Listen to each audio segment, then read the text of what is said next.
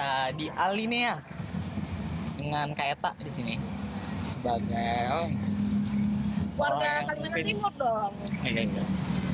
Boleh lah, gak apa-apa kalau langsung itu aja ya. Kamu mau bahas malam ini tentang tambang sih, kan baru-baru ini kayak di Kalimantan nih lagi rame kan masalah tambang.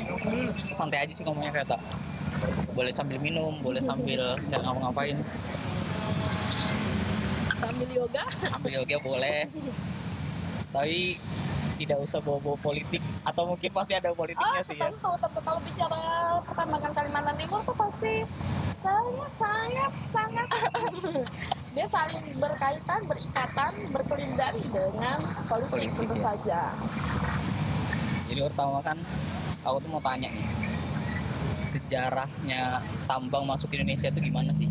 Ah, sebenarnya bisa di searching aja ya. Jadi em, sejarahnya itu kalau misalnya kita melihat sejarah yang karena sejarah yang berhasil direkam oleh Indonesia sendiri sebenarnya em, ketika dia ada Belanda sebenarnya itu aja sih rekaman yang per- yang paling paling apa ya paling ini ya paling bisa direkam aku yakin masih mungkin ada sebelum Belanda begitu nah di zaman kolonial kemudian masuk Jepang yang memang datang dengan eh sepasca Belanda kemudian Jepang masuk hanya tiga tahun tapi dia berhasil memang untuk memastikan adanya pertambangan di kalau bicara Kalimantan Timur misalnya konteksnya itu dia masuk di Tarakan gitu ya.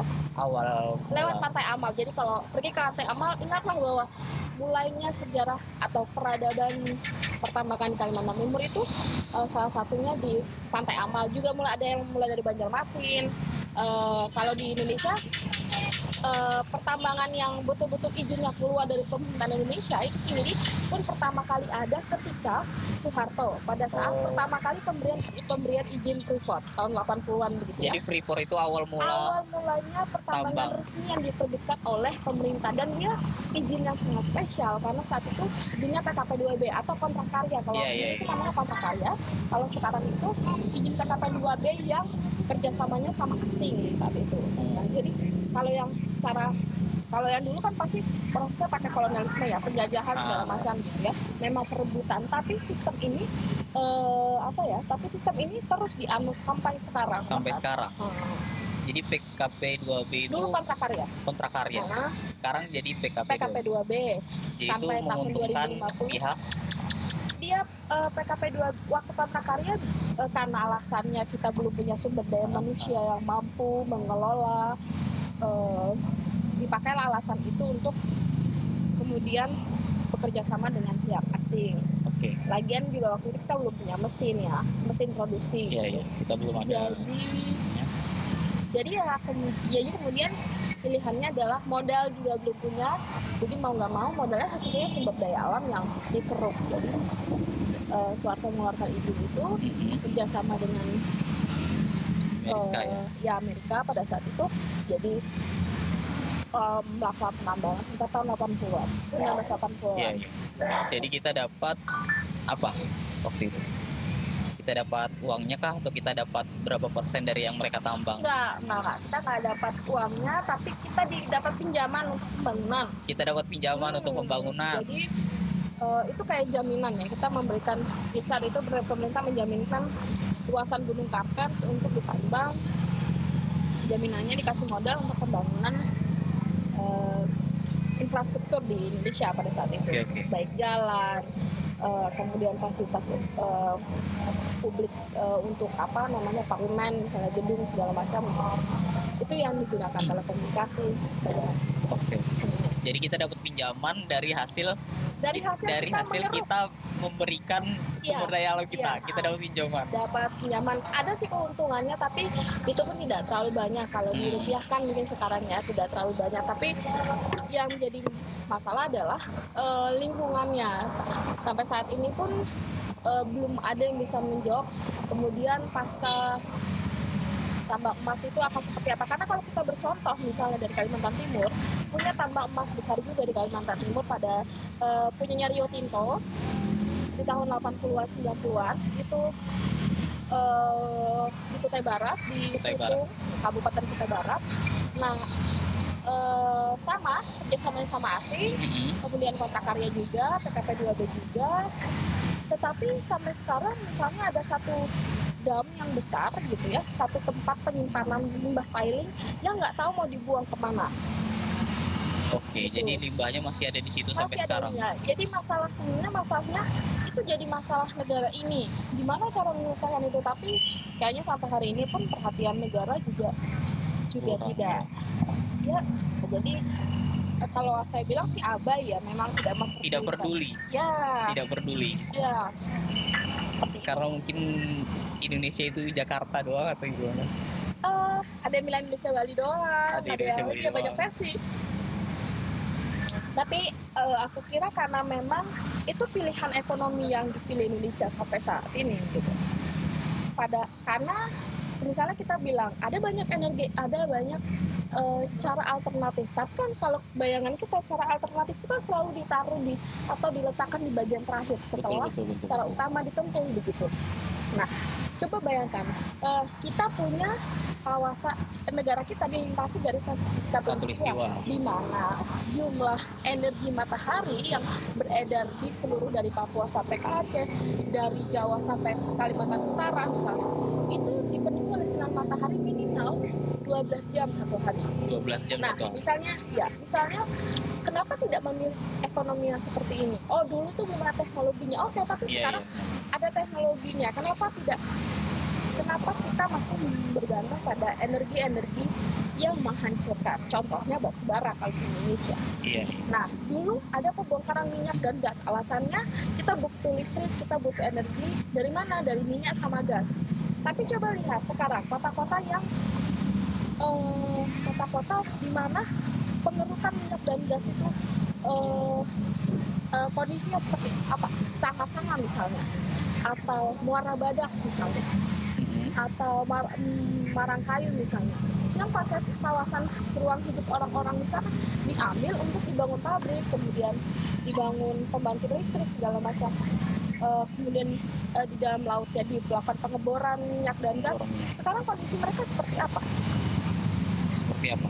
ya kondisinya sangat mau dibilang ada pembangunan yang bagus enggak kan jalan di sana juga Hancur-hancur juga. rusak listrik apakah mereka pernah mengalami apakah Mati mereka listrik. tidak bayar listrik Bayar pasti. bayar kan Karena gitu ini bayarnya sama nggak sama orang yang tanahnya nggak dikeruk pasti sama. sama kan nah Iya, iya, itu betul, betul. jadi kenapa kita harus memilih energi yang malah membebankan kita dengan jumlah populasi manusia yang Iya, iya. sekarang jauh lebih banyak dari eh, sebelumnya gitu ya dari eh, misalnya dari 40 tahun yang lalu atau dari zaman kemerdekaan misalnya jumlah penduduknya jauh Ah, lebih banyak energi yang dibutuhkan jauh lebih banyak Jadi maksud kayak kita kayak kita seharusnya bisa nih beralih untuk ke Pasti tenaga surya ya. Iya, mau tenaga surya. Kita punya garis pantai terpanjang nih, hampir terpanjang di dunia gitu ya. Kenapa nggak pakai energi angin? Angin. Ya. Oh, kayak di Kalau dari Belanda. Samarinda ke Iya, Marangkayu itu kan deket, eh ke Muara Badak itu kan deket. iya, iya.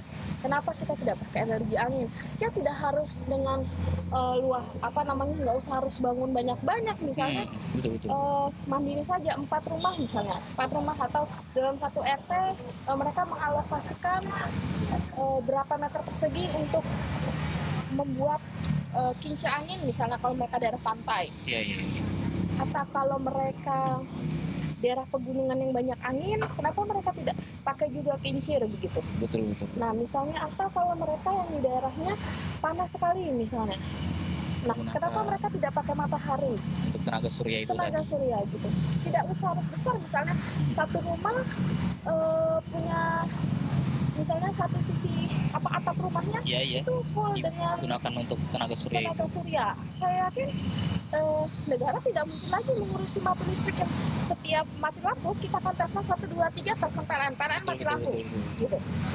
Tidak perlu gitu kan PLN tinggal mengurus bagaimana alur bagaimana kita bisa kemudian mendapatkan pelak tenaga surya itu penampung tenaga surya gitu. Kemudian bagaimana cara merawatnya segala macam uh, atau kalau untuk hotel itu seberapa untuk Iya, iya. rumah tangga itu seperti apa tinggal PLN mengatur energi itu seperti Berapa yang apa dibutuhkan, gitu. ya atau kebutuhan kota ini misalnya kita kita harus menghidupi rumah wali kota kita harus menghidupi kantor DPR ya kita sama-sama gitu begitu aku kira nggak akan ada kalau masalah kita bergantung sama energi itu bisa dijawab sekarang. Betul betul betul masa iya kita mau bergantung sama energi terus terus menerus Betul, dengan biaya yang jauh lebih besar dan banyak orang harus dikorbankan jadi sebenarnya kayak kalau kita kan kita sudah banyak ngeruk ya. Banyak banget. Dan kalau misalnya hasil dari kerukan itu sebenarnya bisa kan digunakan untuk kayak dialih fungsikan untuk kita beli negara eh beli apa daya-daya yang lain kayak tenaga surya tadi yang kayak kayak kita bilang Ya, harus misalnya- dipindahkan ke kincir mungkin Ya. sebenarnya mampu aja kan ya kan kita harus berhitung ya. Sebenarnya Iya, iya. kebutuhan energi listrik ya. Kita selalu membayangkan energi itu listrik sebenarnya tapi kan enggak ya nggak cuma semuanya listrik. nggak semua listrik gitu. Energi itu banyak model. Nah kita coba bayangkan coba deh kita berhitung. Aku kira ahli-ahli di kampus misalnya di Universitas Samarinda Kaltim misalnya punya berapa universitas gitu Eh, mereka bisa tuh menghitung berapa sih kebutuhan energi kita dalam. Misalnya kalau kita kaitkan setiap satu kali pemimpin naik kan lima tahun iya tuh. iya. Lima tahun tuh bisa kita melihat berapa energi yang harus dikeluarkan atau berapa listrik yang harus kita bayar. Terus kita bayar oh iya kita mau bilang ini kita tidak butuh batu bara. Tunggu dulu kalau kita bilang kita tidak butuh batu bara oh iya kami masih butuh batu bara. Tapi sebanyak apa porsinya betul betul. Apakah seperti kata Samarinda dari tahun 2011 ada data yang beredar data beredar data Kaltim misalnya. Ada 71 kawasan di Indonesia di Samarinda yang dipakai untuk lebih dari 70 izin usaha pertambangan saat itu dengan eh, beberapa TKP 2B. Nah, ini kan pertanyaannya masa iya untuk satu Samarinda ini kita sampai tidak punya ruang terbuka hijau ya sesuai dengan undang-undang benar Nah, masa kita sampai tidak harus berebut 29% itu dengan dengan rumah dengan tempat belajar, dengan tempat ibadah, dengan tempat hiburan. Masa kita harus berebut berebut ruang. Sementara yang dikeruk jumlahnya lebih banyak gitu. Jadi yang kita butuhkan sebenarnya nggak sesuai dengan apa yang kita keruk Iya, lebih banyak yang kita keruk Tentu saja, karena untuk apa? Untuk menghidupi negara-negara yang saling berkaitan dengan peng- penguasa dan penguasa di Indonesia. Misalnya, oke kita mengirim batu bara kita dijual ke Cina misalnya Cina. atau Jepang kemudian berubah menjadi handphone sampai di Indonesia. Iya dan rusak berapa tahun kemudian rusak. Ya kita nyampah lagi ke Kita bumi nyampah ini lagi, dan bumi ini punya beban berat menanggung sampah kita gitu ya. Jadi aku rasa kalau kita berhitung dengan tepat jadi di biasanya kan di sebelum eh, sebelum satu izin diterbitkan segala macam kan ada analisis dampak lingkungan Iya, misalnya gitu kalau bahasa hukumnya tapi menurut saya ini sih salah satu em, mekanisme untuk melancarkan izin usaha Betul, tersebut betul, betul. nah jadi eh, coba deh kita berhitung dulu energi yang kita butuhkan ini untuk A, B, C, D dari perumahan, dari warung makan apa segala itu berapa sih? Perlu nggak sih kita gali sebanyak seluas 71 71 persen kota ini? Nggak, kayaknya 71 persen kawasan kota kawasan ini. kota Samarinda aja. Iya, itu digunakan untuk tambang. Untuk tambah jadi ada 30 29 iya. Ya. 29 itu ruangan kita yang kita pakai. Ruangan yang kita rebut bersama-sama untuk dapat oksigen bersih, tempat kita belajar sekolah, iya. tempat kita main, tempat kita jalan-jalan misalnya kayak kafe ini Nah. atau ya kita harus berebut. jadi kayak Amin atau kayak Boring itu paling Oh, enggak. 0, Dulu berapa tuh persen gitu Bahkan Suwandi, kalau jalan Suwandi, ah, ah, dia Suwandi masuk dalam kaplingan 71 persen. Suwandi itu masuk kaplingan 71 persen 71 persen. yang dipakai anak-anak Yang dipakai anak Kos-kosan. kuliahan. anak-anak Jadi kuliah bayangkan kos betapa tidak masuk akalnya nih. Iya Misalnya iya iya iya. Ah itu kan eh, enggak kok itu nggak mungkin tambang lah. Cuma kami memang mengeluarkan izin sebanyak itu ya kenapa? Tapi kan itu apa ya? Kenapa harus dikeluarkan izinnya kenapa gitu harus ya? dikeluarkan gitu? Iya, kita iya. memang butuh butuh Kalimantan Timur misalnya. Butuh berapa sih? Batu bara misalnya. Kenapa nggak Ah, misalnya kita memang harus mengorbankan. Oke gitu ya. Tapi kan nggak juga harus semuanya dikorbankan gitu. Cuma untuk untuk kehidupan kita gitu. Selama lima tahun nanti ganti berapa tahun lagi misalnya kalau RT RW tuh eh, berdasarkan RT RW misalnya eh, selama 10 tahun gitu ya. Oke oke. Atau selama 20 tahun sorry 20 tahun. Ya kita dihitung aja 20 tahun ini kita mau bongkar kawasan yang mana yang mana kita mau sisihkan buat anak-anak kita betul. buat sekolahan buat eh, ruang terbuka hijau untuk kuburan gitu kan contohnya misalnya tahun 2000 tahun ini tuh eh, atau, atau dari tahun kemarin atau dari dua tahun yang lalu beberapa tempat kuburan tuh itu dibongkar untuk oh batu betul, bara betul. gitu. Seperti kejadian di Lempake ya? Di Lempake misalnya. bahkan itu ilegal kan? Iya. ya sekarang orang benar-benar sangat ketergantungan sama yang namanya batu bara. Iya iya. Bayangin kalau kita kecanduan kayak kita kalau nggak makan nasi itu nggak makan gitu. Betul betul. Nah, kalau orang Indonesia nggak makan nasi nggak makan. Kalimantan kalau Kalimantan Timur sebenarnya hmm, kalau Samarinda misalnya berkait Samarinda Samarinda itu kan izin tambangnya baru ada sekitar tahun 2000-an ya. Tahun 2003, 2004, 2005 oke. mulai ada di Samarinda. Tapi orang Samarinda itu justru kecanduannya sangat luar biasa sama batu bara iya iya kalau karena nggak kerja di batu bara kamu nggak keren deh. Iya iya karena aku tahu kayak aku punya tetangga dulu kayak dia dia biasa aja. Awalnya tiga bila habis masuk batu bara wah berubah. Semuanya berubah lah. Coba tiba-tiba dia keluar dari batu bara. Pertambangan batu bara. Pasti kayak lu nggak bisa hidup nih tanpa batu bara. Iya iya. Padahal enggak dulunya nggak kayak gitu gitu dulunya loh. dia bisa hidup aja dengan ya itu. ya Iya, ya iya. aku aku misalnya eh misalnya aku ya aku tuh dari Bengalon ya. Iya. Dari salah satu kecamatan di mana salah satu tambang terbesar di Kalimantan Timur itu ada KPC Kaltim Primakor KPC dengan luasan 90.000 hektar iya iya Eh, izinnya sampai di tahun 2020 KPC itu mungkin bukan hanya di Kalimantan Timur terbesar tapi kayak di Indonesia berapa Enggak, aja? yang di Indonesia sekarang ada RO. ada roh Nah, ada RO itu ada di Kalimantan Selatan. Jadi, eh, kemudian saya juga tidak bekerja di Batubara dan baik-baik saja gitu. Saya Betul, bisa betul. sekolah dengan baik. Eh, orang tua saya juga baik-baik saja, tidak ada Iya, iya. masalah.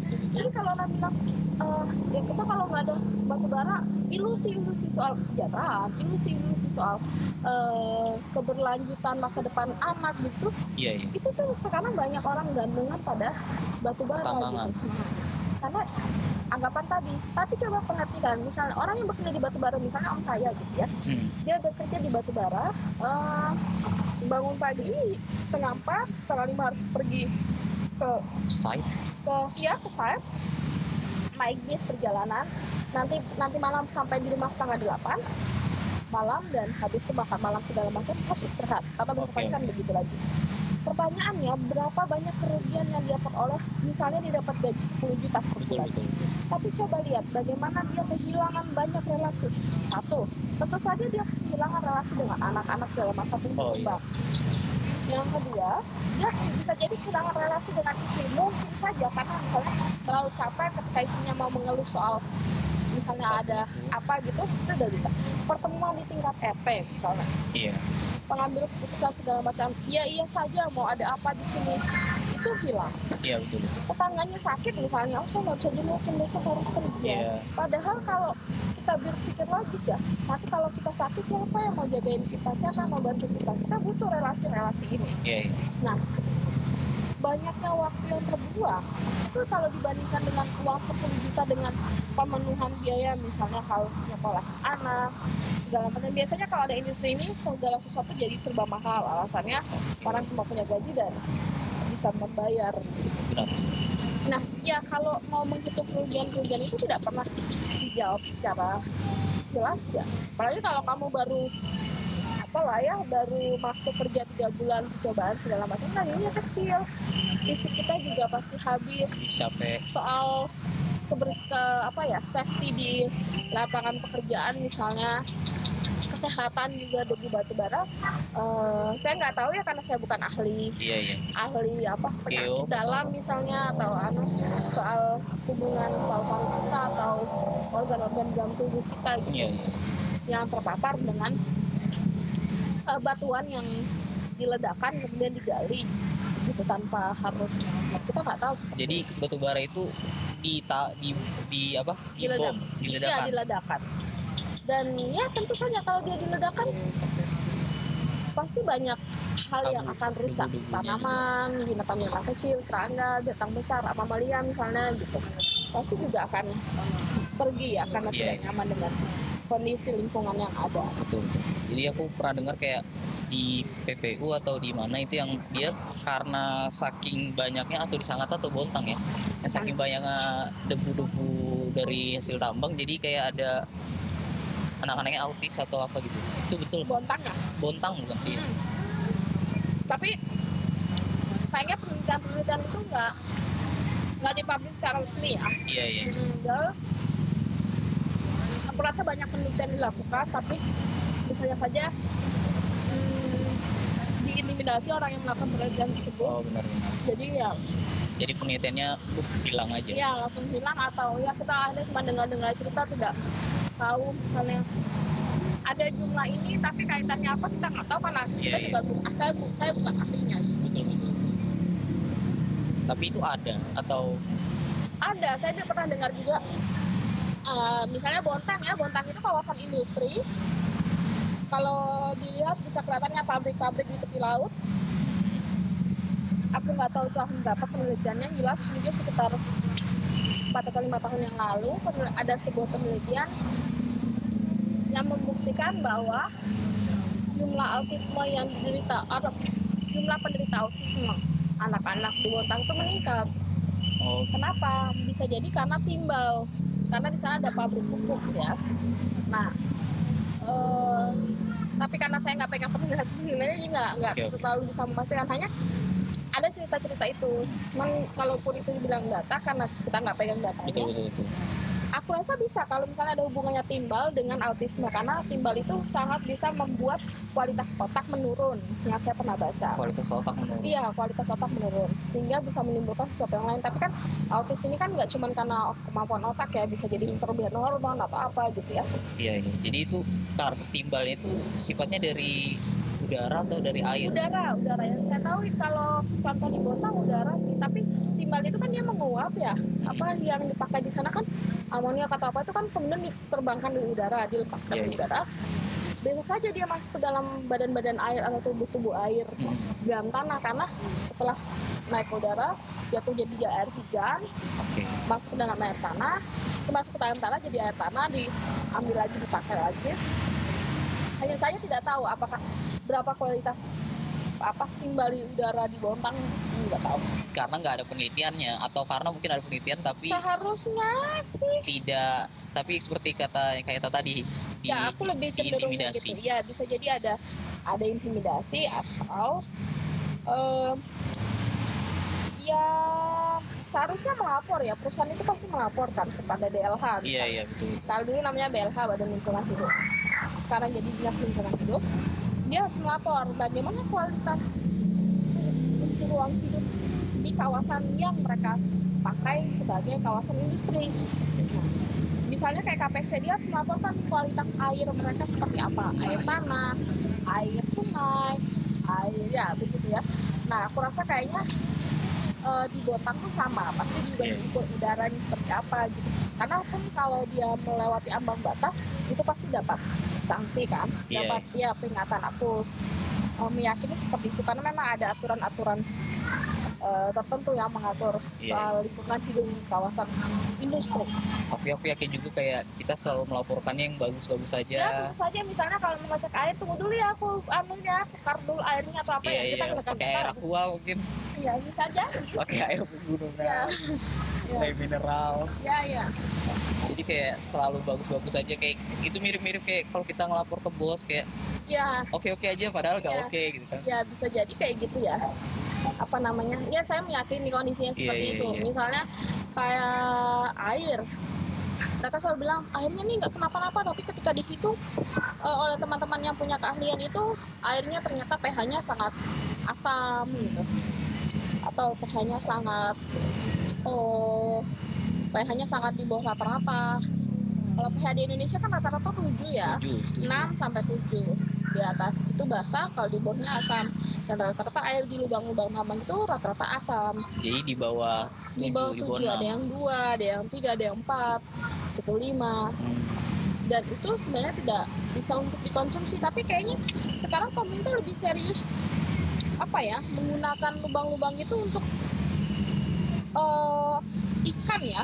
Kayak iya, meletakkan ikan di dalam itu tanpa kita tahu sebenarnya jadi tambak. Iya jadi tambak. Tapi kita nggak tahu. Bahkan di eh, misalnya di debat di debat capres misalnya kayak disampaikan oleh presiden yang sekarang yang juga calon gitu. Pak Jokowi dia nyampein bahwa lubang-lubang itu akan dipakai untuk eh, bukan saya mau mendukung Prabowo atau enggak, siap tapi siap siap. eh, karena keduanya sama aja. Keduanya juga tidak mau menjaminkan lingkungan hidup ketika Iya, debat-debat iya. dilakukan. Betul, betul, atau penyampaian visi dan misi. Jadi eh, apa namanya?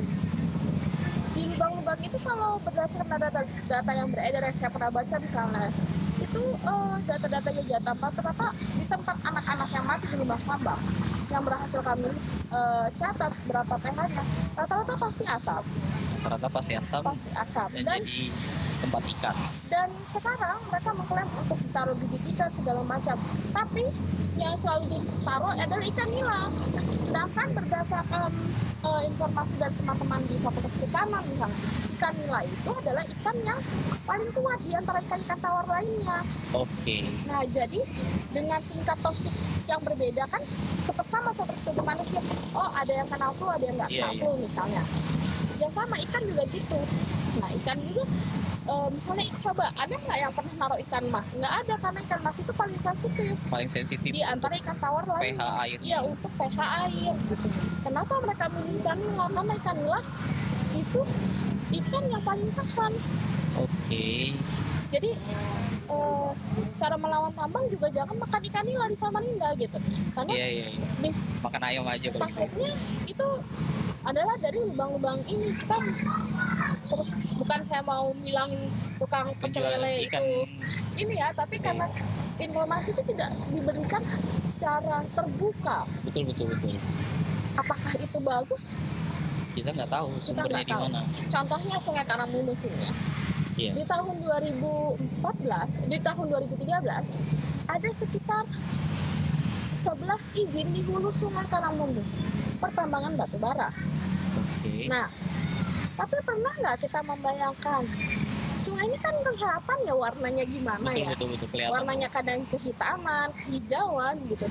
Ya kayak standarnya nggak akan bisa kita pakai gitu. iya iya Ya karena memang habitus juga di kota ini masih membuang sampah di sungai. betul Atau- sepakat dengan itu. Ya masih melakukan itu.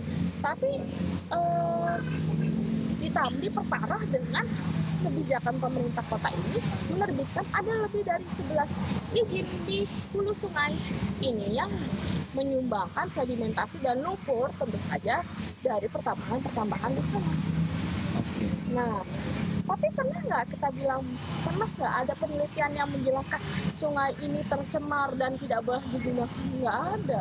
nggak pernah ada semuanya yang baik-baik aja lah Aku pernah baca satu penelitian yang ditulis oleh eh apa ya? Oleh salah satu profesor di Unmul.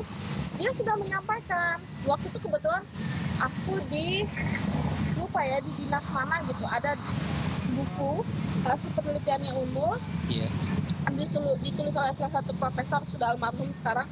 Dia adalah ketua program studi ilmu lingkungan di oke magister ilmu lingkungan unmul dia, dia dia menyatakan di tulisannya bahwa ini tercemar tapi tapi terus kalau tercemar terus? Tapi kalau hanya misalnya jadi makanan jadi penelitian. tapi dibiarin gini. Iya, iya, kalau betul, orang betul. mau colek nggak apa-apa. Iya iya iya. orang mau cium-cium nggak apa-apa kalau mau makan ya udah nggak. Silakan aja gitu. Jadi penelitiannya tidak ada tindak lanjutnya dari pemerintah ya atau? harusnya kan ya karena itu fungsi akademis ya iya betul betul, akademi. betul. jadi fungsi para akademisi sudah menyampaikan hasilnya. Yang mengeksekusi ini kan pasti pemerintah. Iya kita nggak yang mungkin punya kebijakan. Ya gitu. Iya mungkin habitat orang Samarinda belum bisa dirubah dengan tidak buang sampah di sungai. Betul betul. Ya bisa tapi eh, kemudian eksekusi yang lebih real misalnya harapan kita seperti apa kan nggak nggak menjawab. Betul betul. Tapi kebijakan kebijakan pemerintah di Samarinda ini kayaknya sering kurang aja kalau karena kayak kita sempat ada wacana tidak menggunakan plastik lagi seminggu dua minggu habis itu pakai plastik lagi Iya. nyatanya kan. Eh, kayak gitu. Ya, saya sudah mencoba tidak pakai plastik dari dua tahun yang Ya. lalu ya. Jadi eh, sebenarnya nggak juga saya tetap pakai plastik sih kadang-kadang Iya, Eh, karena kita tidak di kita tidak dikasih kesempatan untuk memikirkan atau kita tidak langsung diberikan kesempatan untuk memikirkan wadah apa misalnya. Opsi lain plas- selain ya misalnya oh iya pakai pakai tumbler bawa sendiri. Tapi kayaknya bahannya semua bahan galian ya. Iya, iya. plastik juga salah satunya.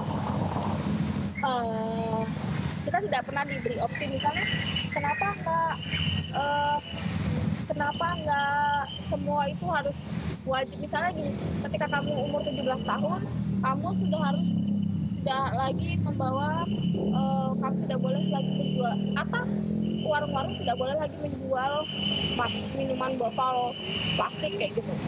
Sekali pakai.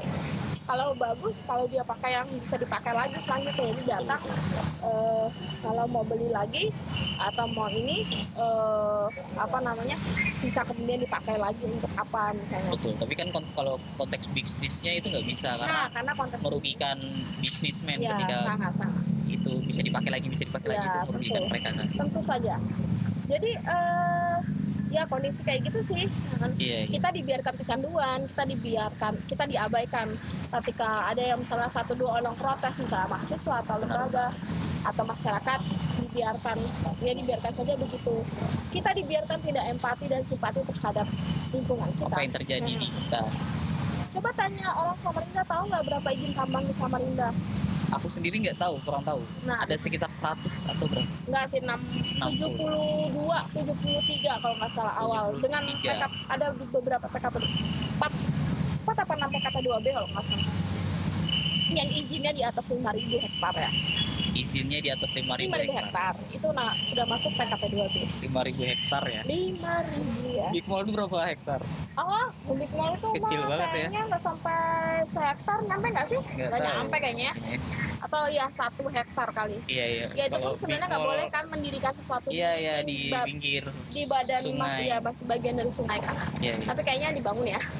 Iya, Ya karena karena coba itu contoh yang kalau sangat jelas. dari dosenku sih pernah bilang kayak ya itu kong kali kongnya aja mereka untuk Iya. cari bisnis. Ya, Eh satu kali dibangun, akan semuanya akan iya, dibangun. Hotel Haris Hotel Haris, lagi ya banyak sih. Tempat Lagi. usaha, ada rumah sakit, ada apa sih Iya, iya, iya, Salin iya, nah. iya. Padahal limbah jatuhnya ke situ. Aku lihat ada corong dari Hotel Haris ya yang menuju ke sungai. Aku nggak tahu. Bisa jadi sudah di treatment airnya atau limbahnya. Tapi kan tetap aja. Tapi tetap aja kan. Yang harus menanggung adalah sungai. Betul betul. Padahal orang Kalimantan itu terkenal dengan orang dengan yang hidup dari peradaban sungai. Dulunya. Mm-mm. Tapi sekarang orang hidup dengan peradaban pertambangan batu bara Iya iya betul betul. Kayak dulu semua orang tinggalnya di pinggiran di pinggir sungai, sungai. Kalau tidak sungai mandi maka di sungai, nyuci di sungai. sekarang udah enggak ya. Sudah enggak semua orang dipindahkan ke pinggiran. Ya, semua orang tinggal pindahkan ke pinggiran biar bisa ditambang di sananya. Oke. Ya biar dilupakan gitu. Oh iya, kita tidak butuh lagi sama sungai ini gitu. Jadi kalau ruang terbuka hijau kita berapa? Sekarang Samarinda nggak ada. 0,09 0,09. tidak sesuai dengan Cita-cita kita Peraturan 30 persen atau 30 persen 30 persen kan ya? Tapi sekarang 0,09. Ini data terakhir tahun data terakhir 2016 2016 0,09. Mungkin 0,09. sudah 0,07, 0,06. ya bisa jadi sudah nggak ada ya Parah banget ya. ya Kalau di Balikpapan berapa ya? Kayak ah aku nggak tahu balik papan Jadi Balikpapan sudah mulai juga kayak pembangunan mall-mall di mana-mana. ya gitu. sangat sangat eh, tahun lalu aku datang ke Balikpapan sudah sangat ramai ya sudah mall-mall ma- hotel-hotel Iya iya betul betul. ya sudah mulai Banyak banyak sekarang. aku rasa pasti juga tidak lebih dari yang 30%. mungkin kayak lapangan merdeka lah sebesar lapangan merdeka dan sekitarnya ya Oke. kalau di Balikpapan Samarinda ini udah Kalau Samarinda di mana sih? ada itu kantor kan eh, sampingnya Plaza Mulia ada tulisannya hutan kota Ah, itu udah Oh, Nah, yang mau rencana yang mau dibangun itu juga. dan itu juga mau dibangun kayaknya Iya, iya. jadi ya ya kayaknya memang eh, istilah hutan itu untuk Samarinda akan Iya. benar-benar hilang Iya betul betul sepakat sepakat. Kayak hutan itu apa ya kayak orang tuh bingung kadang-kadang kalau mau ke mana tuh cuman tujuannya cuma bisa mall atau ya tempat-tempat yang kayak gitu kafe, Kafe, mall, kafe, mall. kafe, mall. eh, apalagi ya nggak ada lagi Gak ada lagi kayak dan kayaknya kita nggak butuh ya pariwisata di pariwisata Samarinda ini akan kerja apa saya juga nggak bisa bayangin sih Gimana gimana? dinas pariwisata kota Samarinda Oh, akan iya. bekerja untuk apa ya mau Nggak tahu. berwisata apa air terjun misalnya Air terjun juga terbengkalai mungkin. ya Eh, Samarinda Zoo apa? Samarinda apa Itu hewan-hewan tuh apa? zoo ya Samarinda yang kebun binatang Kebun binatang oh anu, Samarinda, kebun raya itu ya kebun raya. kayaknya nggak ada juga binatangnya sudah Kayaknya matian kayaknya deh. 2000 Sudah nggak ada juga. 2012 ke sana nggak ada sudah binatangnya cuman angsa-angsa yang digerakin Iya iya, sayang banget kayak nggak di ini kan. ya Mereka-mereka itu kayak ngebangun, cuman ngebangun habis itu nggak diberdayakan apa Kayak- yang dibangun. ya karena tidak mungkin karena tidak menghasilkan banyak uang ya saya kira karena tadi karena alternatif itu selalu diletakkan Di paling di akhir. paling akhir sehingga kita tidak bisa membayangkan bahwa oh kalau ini kita bisa hidup dari wisata loh misalnya. Iya iya wisata betul. sungai segala. Tapi wisata sungai kita harus berhadapan sama tongkang batu bara. Makanya tuh kapal wisata cuma bisa jalan sore ketika tongkang-tongkang batu bara itu tidak ada lagi. Oh itu alasannya. coba bayangkan kalau tongkang-tongkang itu beredar mereka pasti tidak boleh jalan dekat tongkang batu bara. Oh, boleh nggak Iya, kira-kira? iya, iya. dimarahin kamu. Jadi itu alasannya kenapa ya logis kapal saja gitu kan. itu nggak- saya tidak tahu karena saya bukan pengusaha kapal. Iya iya. kapal itu Logiknya yang- seperti itu. saya rasa karena itu. Kenapa dia jalannya sore kenapa nggak pagi ketika eh, bisa melihat nelayan ngambilin ikannya Iya, pasang iya, jaring iya, di iya. sungai gitu. Karena tongkang-tongkang batu bara itu kalau eh, misalnya Rilo lihat misalnya mulai merekam itu di sana. Misalnya datang dari setengah enam pagi nongkrong aja di tepian lihatlah betapa ramainya tongkang-tongkang batu bara itu berseliweran Iya iya. dan otomatis sudah pasti tidak boleh lah kamu lewat di situ cuman untuk jalan-jalan doang kamu mengganggu sekali gitu Cuma untuk jalan-jalan doang. iya misalnya tidak ada kepentingan apa-apa kamu sangat mengganggu Oke. sekali ya kan Betul, betul. kapal itu kan cuman ini memang Kaltim tidak atau Samarinda misalnya tidak pernah membayangkan ekonomi apa sih kenapa Apa alternatifnya selain tambang? Iya, kenapa otomatis kalau dipakai di bawah Iya iya. Aku juga pernah bilang kayak kalau kenapa Samarinda itu nggak bisa jadi kawasan istimewa kan kita sempat ada wacana untuk Ah, ah. mengistimewakan diri kita kan.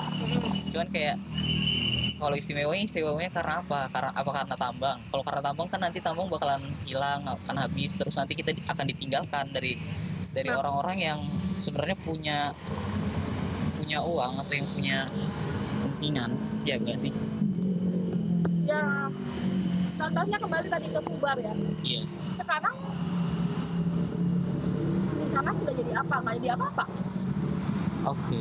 pasca tambang emas besar di Kalimantan Timur ini ada jadi apa dia sekarang jadi tidak apa-apa Habis itu ditinggalkan. enggak kan Setelah pertanyaannya adalah buat kita generasi sekarang kita siap nggak menghadapi itu kita siap nggak ditinggalkan. Ya jangan tinggalin aku dong pasti. Jadi kayak orang-orang di sana kalau isunya pendatang karena selalu Iya, iya. ya tentu saja pasti mereka memilih untuk mencari pekerjaan lain gitu betul betul. tapi kalau warga Samarinda Jadi kalau menurut Kaita berapa banyak warga Samarinda yang diuntungkan dari tambang? hmm, Apakah sebenarnya kita ini lokal ini eh, untung atau banyak ruginya? Sebenarnya beban lingkungan itu tidak ditanggung oleh siapa lokal atau bukan Oke, jadi bebannya akan berlanjut jadi ini beban yang harus ditanggung generasi-generasi selanjutnya oke oke. misalnya berapa sih orang asli Samarinda gitu atau berapa sih orang asli Kalimantan Timur Iya. iya. nah beban ini akan dilanjutkan dengan bukan saja orang yang asli Kalimantan Timur tapi orang yang sudah lahir dan besar di kawasan ini contohnya di daerah transmigrasi Mulawarman atau transmigrasi Bali di Kertabuana mereka mereka kalau pulang kampung udah nggak punya kampung di sana di Bali Oh, mereka sudah beranak cucu ber- berapa sini. generasi kayak ke- misalnya teman saya itu dia udah generasi ke tiga generasi ketiga yang tinggal di sini. yang tinggal di Kalimantan. Kukar itu adalah eh, kabupaten terbanyak yang mengeluarkan izin. Jadi dia kabupaten yang punya banyak paling Iya, banyak izin, 600 lebih izin dari 1404 izin Di di Indonesia. Kal- Kalimantan Di Timur dia paling banyak. dan dia ada satu- satu-satunya kabupaten di seluruh Indonesia yang mengeluarkan izin sebanyak itu Oh. dan dalam daftar kabupaten termiskin dia masuk dalam salah satu kabupaten termiskin di Indonesia salah satunya kita berkaca dari kondisi di kampung Pertabuana atau kampung Melawarna yang mereka bersebelahan dengan pertambangan batu bara yang dulunya itu menjadi kawasan lumbung energi Kalimantan Timur. Kawasan umum Iya, jadi di situ tuh pernah diresmikan sebagai kawasan lumbung energi. Artinya setiap kali panen beras itu bisa mencakupi seluruh Kalimantan Timur bahkan bisa dijual. bahkan lebih, dari, dari apa itu. yang kita Ya butuhkan jadi kalau bayarkan lumbung itu bisa dipakai untuk tahun ini dan bisa jadi iya iya setengah tahun depan gitu ya bayangan Wow. kita. Nah, tapi sekarang itu habis karena ada pertambangan batu bara. dan sebenarnya apa yang kita butuhkan dari tambang adalah apakah- kita beli nasi kan Ya, apa yang orang cari ketika dia bekerja? Asik. Ada lagi nggak? Ya paling Tuh. kebutuhan yang lebih Iya, iya. adalah ya kebutuhan pokok air, nasi, udara Iya, iya. bersih, kesehatan. Selebihnya enggak kan? Nah, sekarang kawasan itu hancur. Dan apakah apakah ada contoh di Indonesia kawasan bekas pertambangan dijadikan lahan pertanian balik lagi jadi lumbung energi? Pasti tidak ada karena kan kawasannya hancur ya Ya, iya iya. ada nggak yang bisa menjawab kita mau apa setelah ini? jadi kita bisa apa setelah tambang itu Ya dihancurkan? seharusnya kita lebih cepat melakukan perubahan ekonomi, haluan ekonomi kita. Maksudnya haluan ekonomi dalam hal ini kan ekonomi selalu dibayangkan untuk pemenuhan kebutuhan sehari-hari. Tapi kita harusnya bisa, eh, misalnya masyarakat dan pemerintah mendorong hal-hal sederhana tadi, penggunaan energi alternatif dan memperluas. eh, kalau memang tidak bisa memperluas, berarti menekan laju eh, apa namanya penghancuran terhadap lingkungan. Misalnya sudah lah luasan ini segini. Nanti kan ya, jadi dia setiap berapa tahun sekali kan izinnya diperbaharui ya. Betul. kita operasi produksi misalnya. Kan kalau sekarang operasi produksi eh, pertama eksplorasi dan ekspor, eh, operasi produksi termasuk pengakhiran di, eksplor, eh, di operasi produksi. Nah jangan kasih izin lagi gitu. Cukup. Jangan beri izin lagi. cukup yang sudah sudah ini. Sudah misalnya. Kalau kita berkaca mau ada tambang semen mau Iya, ada tambang ada pabrik semen di Kalimantan Timur betul, betul. jangan gitu. Karena kita udah udah bangkrut habis-habisan nih. Minyak gas habis. Oke. Itu konflik lagi masalah eh, ini akan diambil alih Pertamina. Apakah dia bisa menjawab kebutuhan energi kita? Kita belum tentu juga gitu. Setelah ada kayu habis hutan kita. Banjir di mana-mana. Ozon habis segala macam. Setelah itu dihajar lagi batu bara batu bara diajar dihajar lagi batu bara habis kawasan ruang hidup kita. Kita tidak bisa mewarisi cerita tentang hutan cerita tentang apa rusa. Iya betul betul, cerita tentang ular besar apa segala macam. Sudah orang hutan misalkan menentu membicarakan itu kita nggak bisa mewarisi itu kepada iya iya. generasi kita gitu. Belum tentu cucu saya tuh tahu tentang hutan. Bisa jadi dia membayangkan hutan itu adalah semak belukar di depan iya iya iya. atau rumput-rumput. Atau taman Samarinda Iya. Ya kalau dia nggak di Kambang juga ya. Nah gitu. Nah eh, kemudian ada perkebunan kelapa sawit skala besar yang menghabisi sumber- sumber-sumber air kita gitu. iya iya Yang kita tidak tahu juga. Aku menjamin bahwa kualitas tanahnya pasti rusak, rusak juga. karena kelapa sawit Ya misal 30 tahun ke depan atau 50 ya 30 tahun sih maksimal ya. iya iya 35 yes merusak Hmm. Kemudian kita tidak segera padahal kita punya pohon kelapa sebenarnya kan kenapa harus Iya, iya. menanam kelapa sawit iya iya. kelapa itu batangnya masih bisa kita gunain buat rumah kelapa sawit bisa. padahal kelapa sawit setauku ya aku cuman orang yang sok tahu tentang gosip-gosip yang beredar kayaknya lebih banyak dimiliki kelapa sawit kita ini oleh asing kan kayak Malaysia atau negara-negara lain Hmm. jadi sebenarnya yang punya eh, kelapa sawit kita ini bukan orang Indonesia sendiri juga. Ya karena kalau yang aku bicara misalnya bibit kelapa sawit yang unggul itu nggak dimiliki sama petani-petani biasa. Oh ada oke. perusahaannya namanya Lonsum. London Sumatera. Penyedia bibit salah satunya di salah satu di Indonesia penyedia bibit yang dapat sertifikasi. Karena kalau kamu tidak punya sertifikasi kamu tidak bisa jual ba- apa kelapa sawit ke pabrik. Oke. Yang mana pabrik punya akses jual ke pasar-pasar dunia misalnya seperti Eropa. Oke oke Nah, setelah dihajar oleh sawit dengan luasan yang Masya Allah Akbar itu, Mhm. kita akan berhadapan lagi dengan satu nih. Satu-satunya eh, kawasan tampungan atau eh, wadah drum atau apalah ya, Iya, iya. tandon air terbesar di Kalimantan Timur. Kars. Kars, kawasan atau ekosistem kars. Oke. Ekosistem kars ini karena dia tidak hanya menghidupi gunung-gunung itu saja, oke. tapi dia menghidupi mineral-mineral bagi ikan-ikan, terumbu karang, lamun di lautan. Jadi Kars itu sebenarnya apa? Kars itu kalau banyak lah ya istilah karena saya juga bukan ahli geologi, Iya, iya. jadi kalau saya selalu bilangnya nyebutnya ekosistem, Ekosistem Kars. ekosistem karena di dalamnya itu ada manusianya, karena etika hidup manusia di Kars itu pasti beda sama orang hidup di lautan. Oke. misalnya mereka eh, menanam apa di kawasan kars pasti berbeda dengan orang-orang yang tinggal di dekat yang hidupnya di eh, yang dia hidupnya di gunung Gunungan. ya misalnya dia hidupnya di gunung-gunung Iya iya betul. dulu itu kawasan kars dipakai untuk apa misalnya orang-orang Basak orang-orang Dayak Basak mereka hidup dan tinggal di dalam gua-gua kars Mereka tinggal di gua Kars tinggal di gua sampai saat ini atau enggak? di biduk-biduk masih ada Masih ada sampai saat Ya. Kenapa kita harus memilih kars dibongkar? Kalau kars itu dijadikan pabrik, dia butuh pembangkit listrik untuk menghidupi pabriknya. Dari mana? Dari batu bara pasti. Jadi kayak lingkaran setan gak sih? Ya. Kemudian kalau dia mau bangun pabrik ini, dia pasti harus menghasilkan semen yang cuma harga 50.000 per sak itu sama denda ini ya. Iya iya iya betul. itu dia harus tidak hanya menambang semennya aja. Oh enggak kami cuma tambang kapurnya aja. Nggak mungkin. Kan di dalam kars itu banyak. Ada kandungannya kapur apalah apalah. Nggak terlalu oke. kandung nggak terlalu tahu ya kandungannya. Ya nggak mungkin loh kamu mau memisahkan itu dari batuan-batuan itu. Otomatis kamu congkel lah batuan itu kan. Kamu ambil lah baru kamu jadiin bubur atau jadikan debu sekali debu-debu begitu nah menjadi bubuk semen.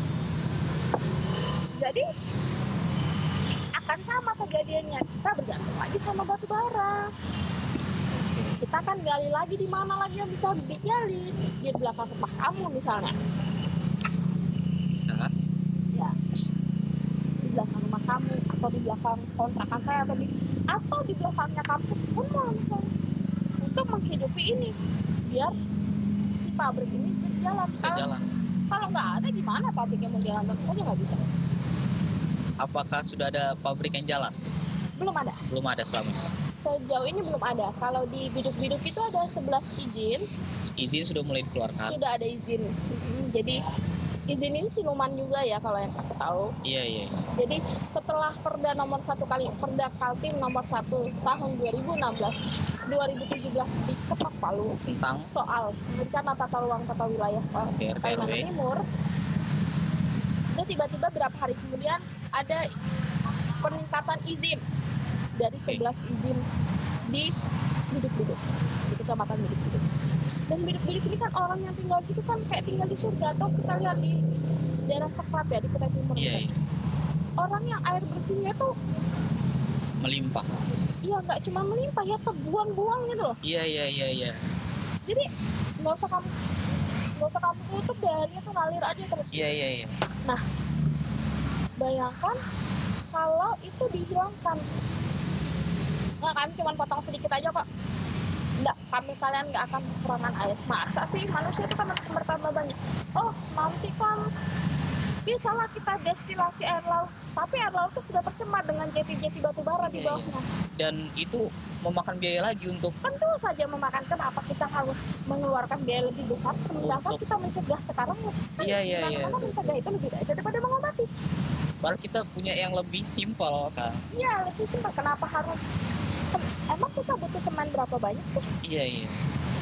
Sampai tahun 2030 kita surplus 30 persen untuk semen. untuk semen di Indonesia. Sampai Jadi sebenarnya kita 2030. nggak perlu ada tambang-tambang kars di Kalimantan. Iya, karena sudah misalnya sudah ada tambang kars di Gersik. Ya Iya, mungkin iya. satu tambang itu aja lah. Cukuplah kita mengorbankan misalnya. Udah lah ini cukup kita misalnya satu kabupaten Gersik itu tidak boleh ada aktivitas orang-orang kita pindahkan misalnya Iya, kalau iya. bayangannya supaya tetap terjamin cuman cukup perusahaan itu yang bekerja segala macam Iya. dan dia menghidupi orang seluruh Indonesia gitu kan kita nggak kita nggak harus membongkar semua Nggak harus ngambil banyak-banyak. gitu ngapain kita emang kita nggak harus oh kan galangan butuh Atau- semen. bu, atau bendungan butuh semen iya kita tahu kita memang Iya, butuh iya. semen tapi kita apa kita harus bongkar lagi sementara kita masih punya kelebihan 30 persen Wow. Jadi 30 selama persen dua- 2030 kita tuh masih mampu masih sebenarnya. mampu ya tanpa harus membongkar lagi gitu. Iya iya. Pernah ngobrol dengan anak-anak kars waktu mereka buat acara seni di mana? Perpus perpustakaan daerah. Mhm. Mereka pernah bilang kalau air itu air keran itu nggak bisa di stop karena kalau mereka stop nanti ma- malah jadi jebol. Mhm. mana tekanannya Se sejernih dan separah itu mereka punya air. dan nih bangun aku belum pernah ke Bidu-Bidu tapi dekat rumahku jadi dari rumahku tuh di Bengalam cuma jalan sekitar satu jam Iya, naik motor nggak sampai satu jam sih karena jalannya memang jalan tanah dan apa berkerikil ya jadi memang harus pelan-pelan. Eh, kita bisa nemuin surga yang bagus banget gila cuman eh lubang di mana jebolan. Jadi kalau yang saya baca tuh kawasan Kars itu kan eh, dia ada lubang-lubangnya gitu. Iya, iya, nah iya. di mana setiap hujan dia akan menampung nih Iya. iya. kemudian dia pelan-pelan air itu kan sifatnya dia adalah bagian dari fluida stat fluida yang bergerak ya cairan yang bergerak nah kalau dia nggak bisa nembus batu kalau dia nggak bisa nembus ke bawah berarti dia harus naik ke atas kan Oke. namanya coba kita bayangin air dalam plastik terus kita tekan gini pasti dia akan keluar kan Iya betul betul. nah jadi dia bisa menembus batuan bisa menembus apa nah salah satu yang aku lihat itu dia menembus setelah batu jadi dia naik ke atas ini loh dan itu kecil aja cuman se sebesar paha orang dewasa gitu. Tapi airnya tidak pernah berhenti tidak berhenti. Dan menghidupi satu satu Satu kampung. Kampung. bertahun-tahun. Jadi bisa dibilang itu mata airnya mereka. ya itu mata air. Kalau bilangnya oh itu daerah yang tidak subur karena tidak bisa ditanami. Anu apa batuan semua. Tapi agak kamu gunain Itu bisa menyuburkan daerah-daerah lain. daerah Iya iya iya. Betul betul betul. Kalau malah ditambak malah merugikan kan. tentu saja tentu saja makanya kenapa Rakus banget nggak kita sih? sangat ngapain kita kamu di rumah kamu punya gula tiga bungkus Iya iya. dan itu masih bisa bertahan satu bulan atau tiga bulan ke depan kamu beli lagi ngapain kan masih ada Ngapain? gula Ngapain ini kan kita ngestok? Iya, Iya iya. ya ngapain harus buat seperti itu dengan harus membuang-buang biaya padahal Iya, masih iya. bisa buat bikin sekolah kayak uangnya Padahal sebenarnya air itu kan yang kita paling butuhkan itu air nggak sih? Hmm. Di, di tubuh kita kan 70% ya air. Berapa puluh persen? ya kita tidak cuma butuh air untuk untuk minum ya Iya iya. tapi kehidupan kita itu kan dimulai dengan air bangun pagi Semuanya mandi air. Betul betul. buang air besar maaf air buang air kecil min pakai air Iya. Nyuci baju pakai sikat air. gigi belum lagi kalau perempuan menstruasi Iya iya iya. melahirkan, iya. punya anak kecil Baik banget kita pakai. air. meninggal sekalipun pakai air Iya iya iya. Nggak mungkin pakai tambang semen. beribadah pakai air nggak mungkin pakai semen kan ada kita. Ya masa iya kamu mau beribadah pakai semen Iya, iya, iya. gitu misalnya di gereja saya di Katolik itu pemberkatan baptis itu loh anak baru setelah lahir tiga bulan atau berapa bulan dibaptis pakai Pakai air, nggak mungkin pakai semen, ditabur-tabur Iya, semen. sampai kita mati pun pakai air Iya iya betul betul.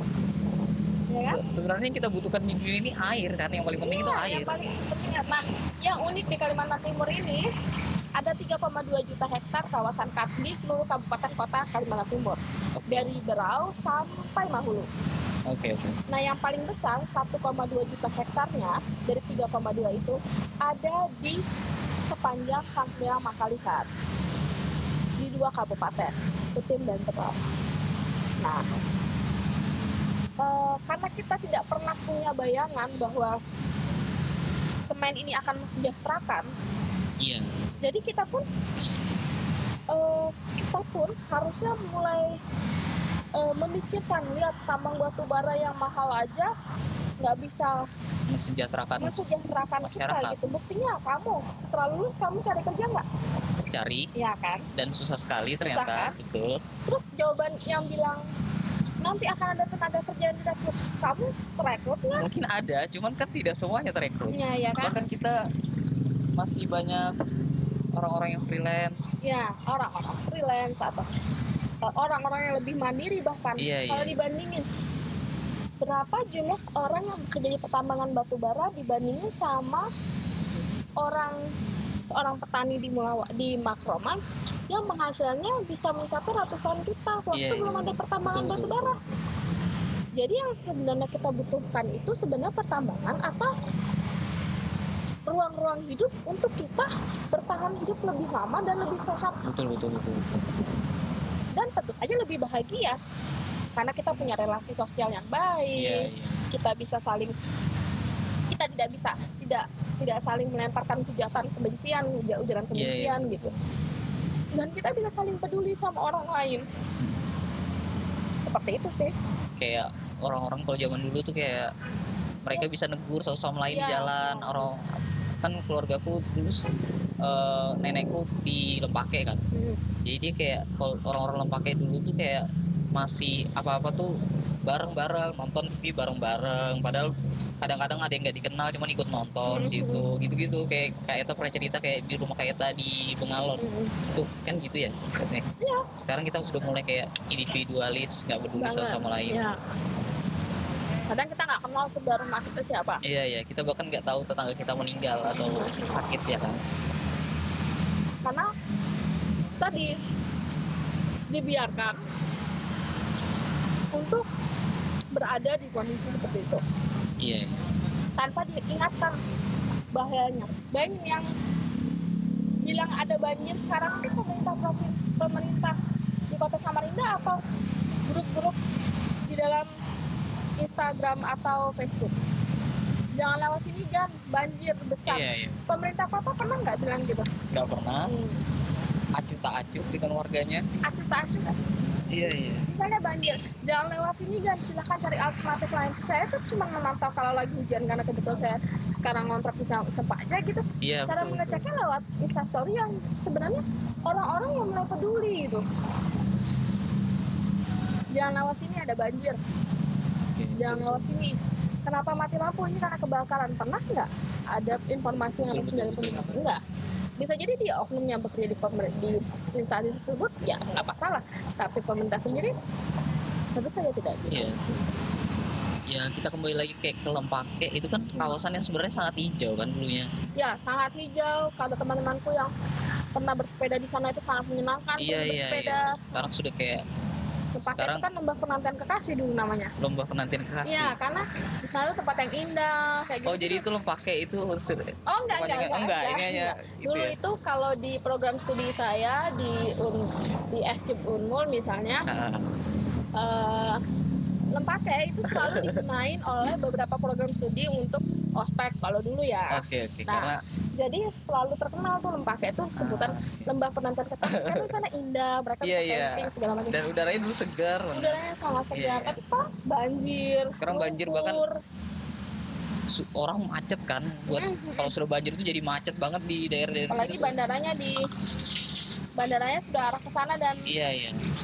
apa ya ya kita dibiarin-biarin aja Oke. ada sih peringatan kalau pas macet jangan lewat sini ke bandara segala macam Cuman itu Tapi cuma kan peringatan. lama Hmm. Iya.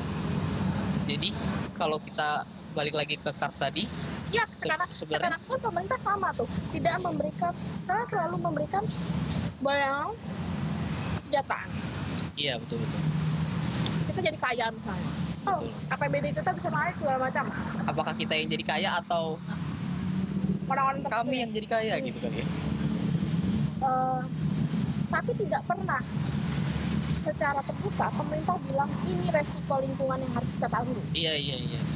dari minyak batu bara kelapa sawit sekarang mau ada pabrik semen iya perkebunan skala besar HTI misalnya. Pernah nggak dikasih tahu beban-beban lingkungan yang harus kita tanggung harus ditanggung oleh oke. generasi-generasi selanjutnya? Jadi kita cuma ngasih kayak diiming kan ini kamu kaya ya cuman kita nggak pernah ngasih tahu apa negatif negatifnya ya Iya, kan? kenapa? Kenapa? Kenapa kita tidak dikasih tahu itu? Masa iya harus mahasiswa demo dulu baru dikasih iya tahu? iya. Itu pun nggak mungkin dikasih tahu kan? Pasti salah. ada nggak pernah ada papan peringatan? Jangan eh, yang boleh kita tambang cuma kawasan ini. Nggak ada. Karena kalau nambang lagi apa namanya kita Iya, akan kehilangan ruang terbuka hijau oksigen kita akan berkurang sekian persen. Sebenarnya aku yakin ada orang-orang yang bisa menghitung dan pasti eh, tahu informasi ini tapi sepertinya informasi ini tidak pernah tidak pernah tidak disampaikan. Iya iya bahkan kan iming-iming kita di depan kantor gubernur kita Iya. kaltim hijau. Visit Kalimantan Timur. Dan kaltim hijau itu ya? Ya green Kaltim. Green kaltim green Kaltim tuh maksudnya perkebunan kelapa sawit. Terus habis menghabisi sungai-sungai kita. Apa yang kita hijaukan apakah apakah gedung itu yang kita hijaukan nanti dikiranya P3 atau PKB ya kan salah lagi nanti iya kita. betul betul. Apa yang mau dihijaukan apa rumahnya dicat jadi warna hijau ya kan? Ap- apa yang harus dicat? Ya, apa yang mau ini Ya, jadi kita tuh apa pemerintah kita memang membiarkan. Tidak pernah memberikan peringatan. Buktinya ada 32 anak yang mati kok 32 anak sampai saat ini. 32 orang nyawa. Ini anak ya anak ah, 32 anak yang mati. iya. Iya dari tahun 2011 Iya. 32 anak yang mati misalnya ya kalau ada kematian di awal gitu harusnya setiap lubang itu dikasih tanda dong. Ini kan Iya, sampai betul, sekarang betul, tetap aja semua lubang dibiarkan. itu dibiarkan. Ya Iya. memang berarti memang betul-betul pembiaran. Bahkan mereka pernah ada satu seminar yang didatangin oleh Bapak Kapolda ya? Kapolda ya ya? Yang sekarang sempat mau naik jadi calon terus dia turun. Beliau cuma bilang kayak kalau anak-anak itu di di apa dilanjutkan kasusnya maka mereka merugi dari kompensasi. Beliau beliau bi- bilang seperti itu waktu seminar. Terus ada salah satu dosenku ngomong kalau apakah iya kalau memang kompen apakah iya kalau uh, kasus itu dilanjutkan kompensasi itu hilang? Sebenarnya enggak enggak kayak gitu ya kan? Enggak enggak kayak gitu. Tidak menghilangkan kasus itu untuk dilanjutkan. Bahkan itu sebenarnya hak mereka untuk dapat itu dan kewajiban dari polisi atau dari pihak berwajib untuk melanjutkan kan kasus-kasus seperti itu. Jadi yang aku tahu bahwa kasus seperti ini kasus kematian seperti ini bukan kasus yang masuk ke delik aduan. Jadi kayak iya seolah betul betul. kayak ini nih pak. Harus diadukan anu, SIM dulu. saya hilang gara-gara ini. betul itu berbeda. Betul betul betul, betul. ini sudah ada korbannya loh. Video tidak ada apa apa namanya bukti-buktinya. Iya, ada iya. yang mendapatkan video ada tulisan wartawan apa segala macam gitu. Kalaupun kemudian mereka mendapatkan uang misalnya. Iya iya. Tali asik kah uang apalah uang muka uang apa ya apakah itu setimpal juga? Enggak kan? ya kan tentu saja tidak misalnya. Dia dikasih ratusan juta. Iya. Apakah itu setimpal? Tentu saja nyawa satu nyawa pun itu tidak akan bisa dibayar pakai duit. Betul betul betul. Ya kan? Iya. Tidak mungkin bisa dibayar pakai uang. Nah pertanyaannya adalah kenapa kasus seperti ini yang sudah menjadi peringatan kita itu tidak pernah serius ditanggapin betul betul. Karena satu pasti pemerintah akan melindungi para penguasa penguasa atau Melindungi pemilik modal. pengusaha pengusaha yang pemilik modal agar tidak terjerat pada kasus hukum pernah disampaikan sampai ke pengadilan negeri dan diputus tetapi hanya denda dua ribu rupiah untuk dua nyawa. Untuk dua nyawa dua ribu seribu rupiah untuk dua nyawa. Oke. Dan penjara dua bulan untuk satu orang security. Dua bulan untuk security. Ya dan ya dan cuma satu kasus yang oke oke dipakai. terus kasus yang lain tidak pernah serius ditanggapi. Oke. Atau oke sudah pernah kejadian kenapa sih tidak ditekan kepada perusahaan untuk melakukan reklamasi?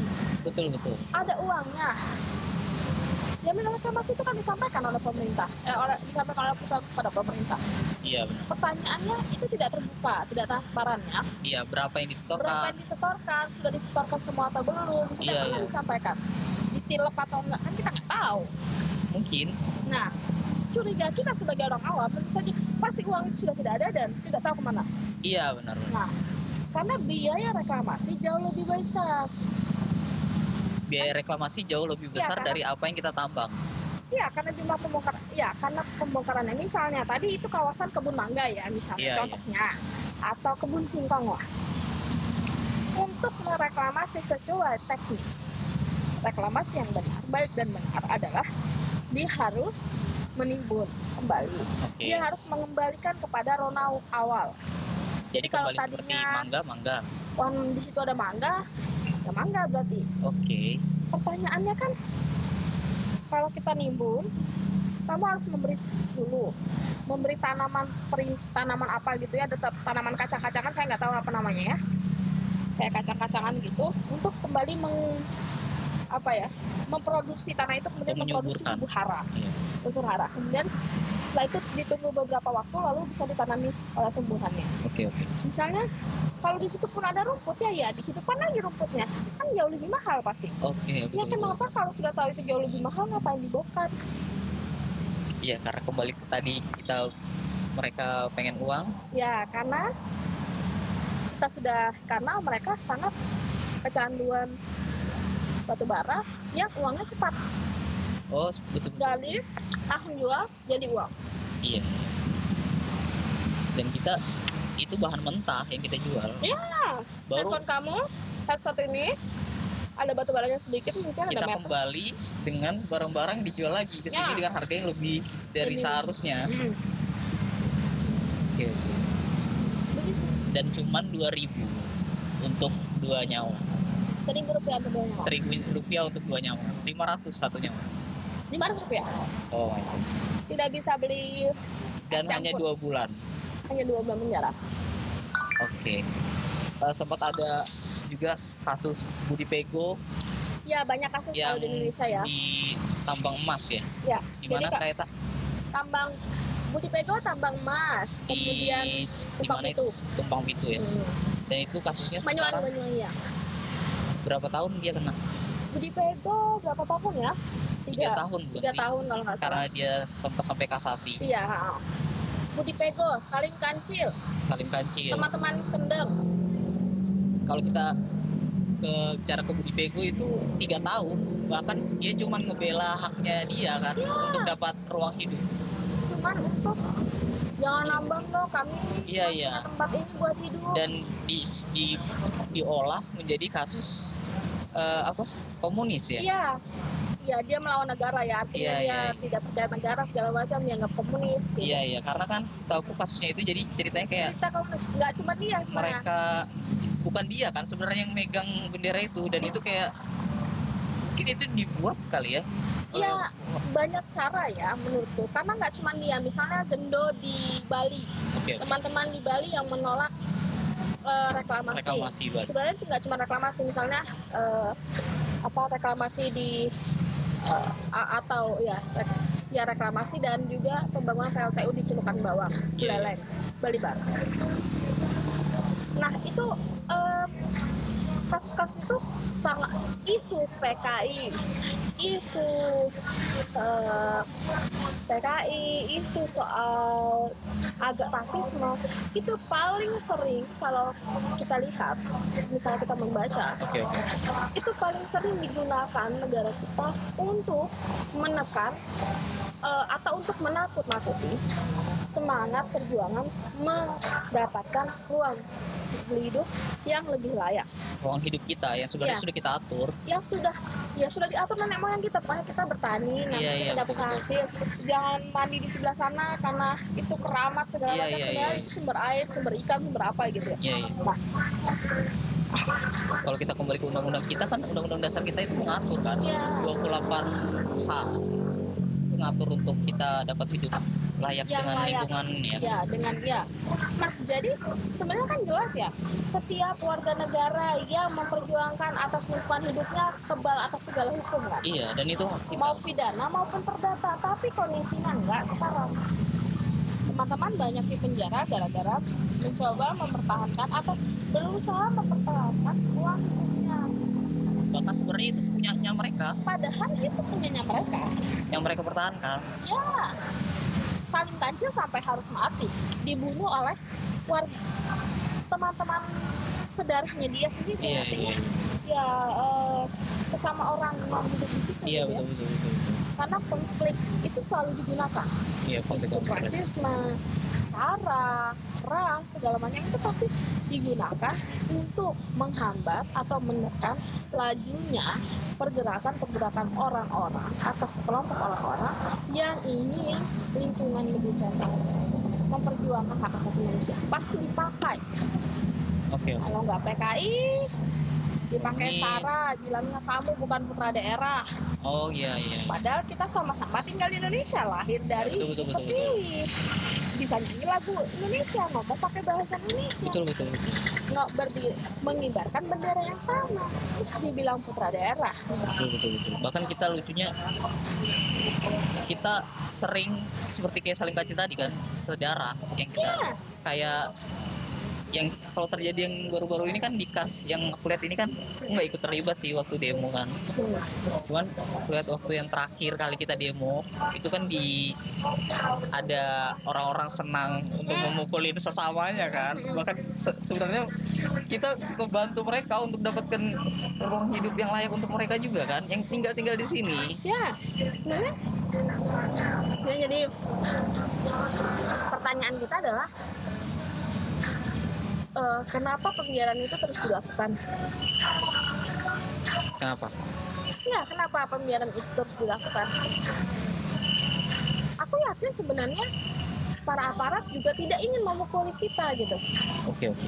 Teman-teman mahasiswa juga tidak ingin memukuli aparat misalnya. Jika Betul, mereka baku bentok kalau saja pemerintah mengambil kebijakan bahwa oh ini loh ada masyarakat saya yang menolak satu Iya. orang pun yang menolak misalnya semua menerima dan satu orang pun yang menolak ini harus dijawab ini pertanyaan ini warga negara. Betul betul kan kita bayar pajak kok. Betul betul betul betul. Kita apa pun yang kita beli kita dipotong sama pajak kok. iya. Iya 10% dari harga utama kan. Kita bayar parkir. Kita bayar parkir kita bayar Bahkan pajak. walaupun parkir kita tidak ditanggung jawab atas kehilangannya misalnya hel- apa namanya kita belanja apa pun itu 10% dari iya iya. makanan PPN misalnya 10 ya itu sudahlah ya, pajak nasional gitu. Dan kita kita berhak gitu. Untuk satu orang pun misalnya satu orang pun cuma sisa satu orang pun yang menolak Iya, ini iya. harus dijawab oleh pemerintah. Gimana menjamin menjaminnya gitu? Apalagi sekelompok orang walaupun bilangnya oh itu kan cuma mahasiswa loh. Mahasiswa itu kan generasi selanjutnya. Betul betul betul generasi yang akan meneruskan cita-cita bangsa ini yang meneruskan kehidupan bangsa Iya, ini gitu. kalau kondisi kritis seperti ini kemudian dikritisi oleh mahasiswa pemerintah pun tidak bergeming sama sekali lalu kita harus bertanya kepada siapa harus menjaminkan kepada siapa oke lah saya nggak nggak milih Sanur misalnya gitu. tapi kan dia pemimpin saya dia Iya. kita wajib menghormati segala keputusannya ketika dia pun karena dia sebagai wakil rakyat ketika dia eh, lalai kita sebagai warga negaranya wajib mengingatkan. Memang warga negara lain yang mau ingatin dia. Iya iya kan betul. kita yang harus mengingatkan. Kenapa kita malah dibiarkan berhadapan-hadapan dengan aparat keamanan? Iya iya.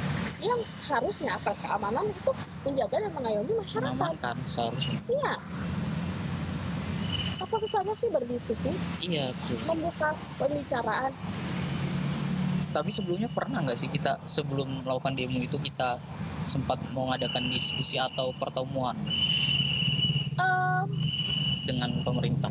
ya jadi eh, sebenarnya tiap isu soal karsi Kalimantan Timur itu dimulai dari tiga tahun yang lalu iya ya. karena sudah lama kan? Ya jadi tiga tahun yang lalu itu em, ada izin baru. Saat itu apa namanya izin tambang sebat pabrik semen tinggal pabrik semen. Setelah itu ada penelitian yang dilakukan dan hasil dari penelitian itu memang kawasan ini sangat memiliki sangat banyak memiliki potensi-potensi yang bisa dikembangkan selain harus membuat pabrik semen. Oke oke. potensi wisata memang belum ada hitungan pasti karena aku yakin sebenarnya pemerintah lewat dinas-dinasnya misalnya itu punya kemampuan dan kompetensi tentu te- tertentu untuk menghitung sebenarnya bagaimana potensi-potensi daerah itu contohnya Berau Kabupaten Berau kan jumlah wisatawan yang datang untuk menikmati cuma berenang-berenang aja Iya, itu iya. bisa kasih masukan berapa misalnya jadi Benar benar. pembangunan fasilitas-fasilitas hotel atau ya apa ya rumah-rumah gitu ya. Itu kan atau warung-warung makan di kawasan itu pasti sangat membantu dan menguntungkan Iya para menentukan lokal. yang kedua adalah bagaimana nelayan-nelayan di eh, hidung ujung hidung Pulau Kalimantan itu mereka menghidupi anak-anaknya sampai kuliah di kampus terkenal di Samarinda ini. Iya iya. eh, beberapa kampus gitu ya. Anaknya sampai sarjana gitu. Bullshit lah kalau kalau eh, cuma seorang lain bisa menyekolahkan buktinya mereka Buktinya bisa mereka ada. gitu. jadi eh, apa namanya kalau menurut hitunganku seharusnya ya tadi kita tidak perlu membayangkan yang susah-susah begitu loh Iya iya. nanti rakyat saya miskin kok kamu nggak yakin sih rakyatmu bisa berjuang untuk hidupannya Iya iya. betul. dengan kondisi yang sekarang aja anak-anaknya sudah bisa baca tulis gitu Betul, betul. Sudah bisa ada yang kuliah nah jadi tahun 2016 itu ketika sebenarnya ya 2015 sih penelitian dilakukan kemudian 2016 didoronglah gerakan ini KMPK. nah yang saya tahu ya didoronglah ada gerakan ini ya kemudian waktu itu zamannya masih Alang Faruk ya gubernur sebelumnya. Nah, tapi setelah itu pun kita sudah mencoba berdiskusi dengan DPR juga provinsi dan hal ini ya diterima saja tapi Sudah ada hearing ya. ya sudah ma- mau yang waktu itu sudah tapi kayaknya tidak berlanjut Oke. Hmm, setelah itu karena tidak berlanjut eh, kemudian masih juga ada kelompok-kelompok aktivis di Sobat Samarinda ini em,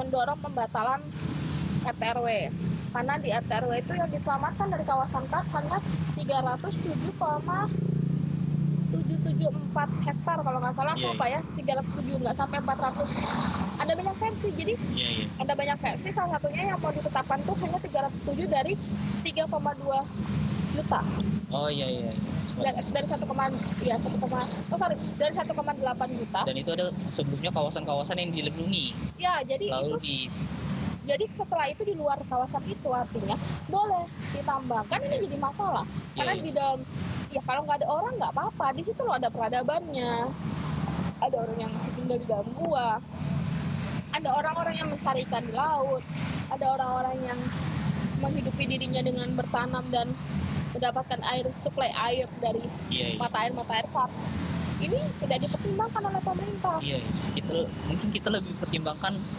negara-negara lain yang butuh, padahal negara kita iya nggak kenapa butuh, kita warga kita nggak butuh? butuh. ya kenapa kita harus Kenapa kita harus nyuapin negara lain? Iya, kenapa kita harus kasih negara lain sementara kita sendiri sementara kita sendiri nggak butuh nggak butuh gitu Iya, iya. Kita sendiri bisa hidup dengan ikan, Iya, hidup dengan ikan dengan dan nasi-nasi kita beras kita. gitu loh kalau Iya, iya, kita mau bilang kita tuh kelebihan Iya, kelebihan 30% sampai tahun 2030 Kita masih bisa nebelin sempaja itu sampai tinggi-tinggi. Iya, kita bisa mau mau mau apa sih mau beli semen lagi sih Iya, kita iya. semen bisa pasti bisa gitu apa yang kita mau semen gitu Iya, iya. pembangunan Lagi, tubuh-tubuh lagi. mana kan sih terus kenapa kita harus bikin ini nih Nggak, dan nggak cuma di sini ya jadi di sini kemudian teman-teman di Kendeng Iya.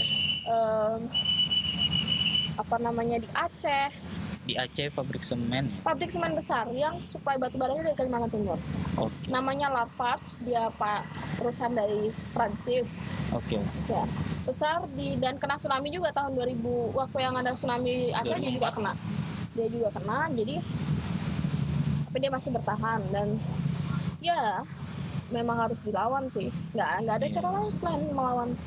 Iya iya. karena diam aja nggak nggak bisa. Iya karena diam aja nggak bisa gitu. Dan pemerintah juga harus mulai meletakkan keberpihakannya kepada siapa. Iya betul betul. Dan jangan takut gitu. Ketika kamu meletak ketika pemerintah meletakkan keberpihakan terhadap rakyat saya yakin ke- apa kekuatan rakyat jauh lebih besar daripada kekuatan para pemodal tapi mung- mungkin tak ada intervensi dari negara lain.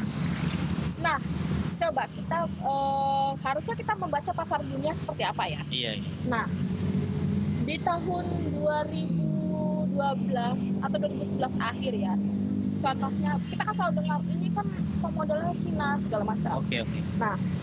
Takutnya nanti yang dibangun adalah rasisme benar Nah, karena kita sudah punya pengalaman Indonesia punya pengalaman tahun 98 ya 9 ya 9 Iya, iya, benar. punya pengalaman buruk soal rasisme. Jadi em, misalnya Cina di tahun 2012 dia menetapkan satu kebijakan ekonominya, merubah sebanyak merubah salah satu eh, haluan ekonominya yaitu dengan judul namanya ekonomi langit biru. Jadi apa dulu itu loh Nah, yang aku tahu ekonomi langit biru ini adalah ekonomi di mana eh, dulu itu Cina itu kan karena dia masyarakatnya besar, kawasannya Iya, juga cukup besar. eh, mereka membangun banyak pabrik. Salah satunya pabrik semen.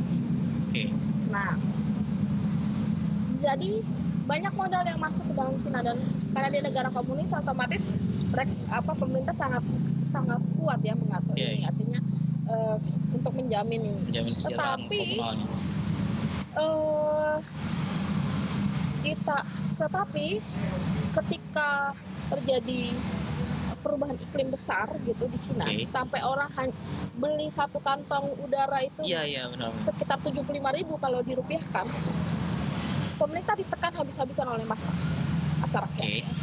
Untuk kami nggak bisa hidup nih sudah di negara ini gimana misalnya karena langitnya nggak biru. Karena debu. Karena debu. Kita nggak ini apa nggak. Cu- kalau cuma dengan kawasan lindungnya yang apa sih?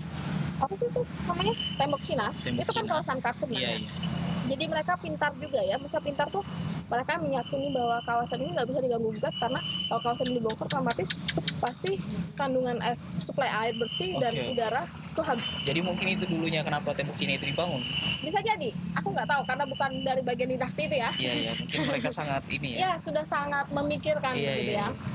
Nah jadi eh, akhirnya pemerintah menekan pengusaha-pengusaha. Saya nggak bisa nambahin izin kamu lagi. Silahkan kamu Oke. pikirkan gimana. Nah, salah satu caranya mereka adalah untuk melancarkan terus ekonominya berlanjut. Mereka memindahkan modal mereka ke salah satu negara di Indonesia. Nggak cuma di Indonesia, ada beberapa Iya, iya, negara di Asia. Salah satunya Indonesia. Jadi kenapa ada isu soal uh, ini tuh dari Cina segala macam ya? Karena itu, karena Cina sudah tidak lagi ratusan pabrik di Cina tutup oke karena air tercemar, udara tercemar, lingkungan tercemar, mereka nggak sanggup lagi dan menahan. jika itu kita iakan maka kita mungkin akan jadi seperti mereka Ya, kita mungkin Bisa akan beli parah. udara ya bisa jadi lebih parah bahkan. oke oke.